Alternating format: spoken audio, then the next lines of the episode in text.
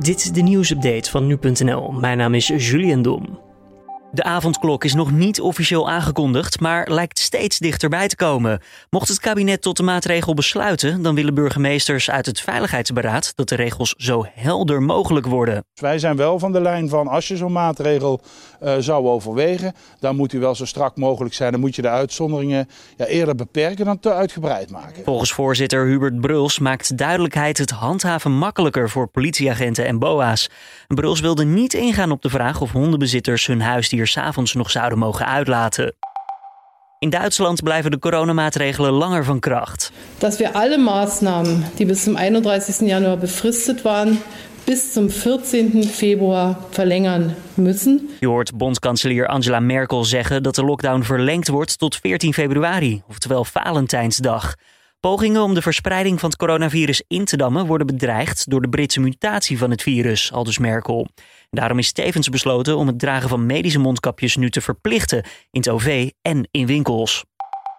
Nam gisteren Melania Trump afscheid. Vandaag is het de beurt aan Donald Trump. Via een video op YouTube sprak hij de Amerikanen toe en blikte hij terug op de afgelopen jaren. We did what we came here to do and so much more. Verder vertelde Trump dat zijn presidentschap heeft gezorgd voor de beste economie die de wereld ooit heeft gezien.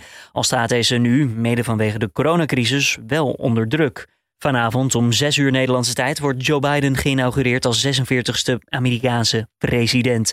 Donald Trump is daar niet bij aanwezig. Tiger King Joe Exotic zou vandaag wel eens vrijgelaten kunnen worden uit de gevangenis. We are standing by, waiting for President Trump to give us word that we have received the pardon for the Tiger King Joe Exotic. Daar hoor je zijn manager die de volste vertrouwen erin heeft dat president Trump vandaag nog een pardon uitschrijft voor de Tiger King. Joe werd begin dit jaar wereldberoemd door zijn rol in de Netflix-documentaire Tiger King, maar zit momenteel wel een gevangenisstraf van 22 jaar uit voor een moordcomplot op zijn rivaal Carol Baskin.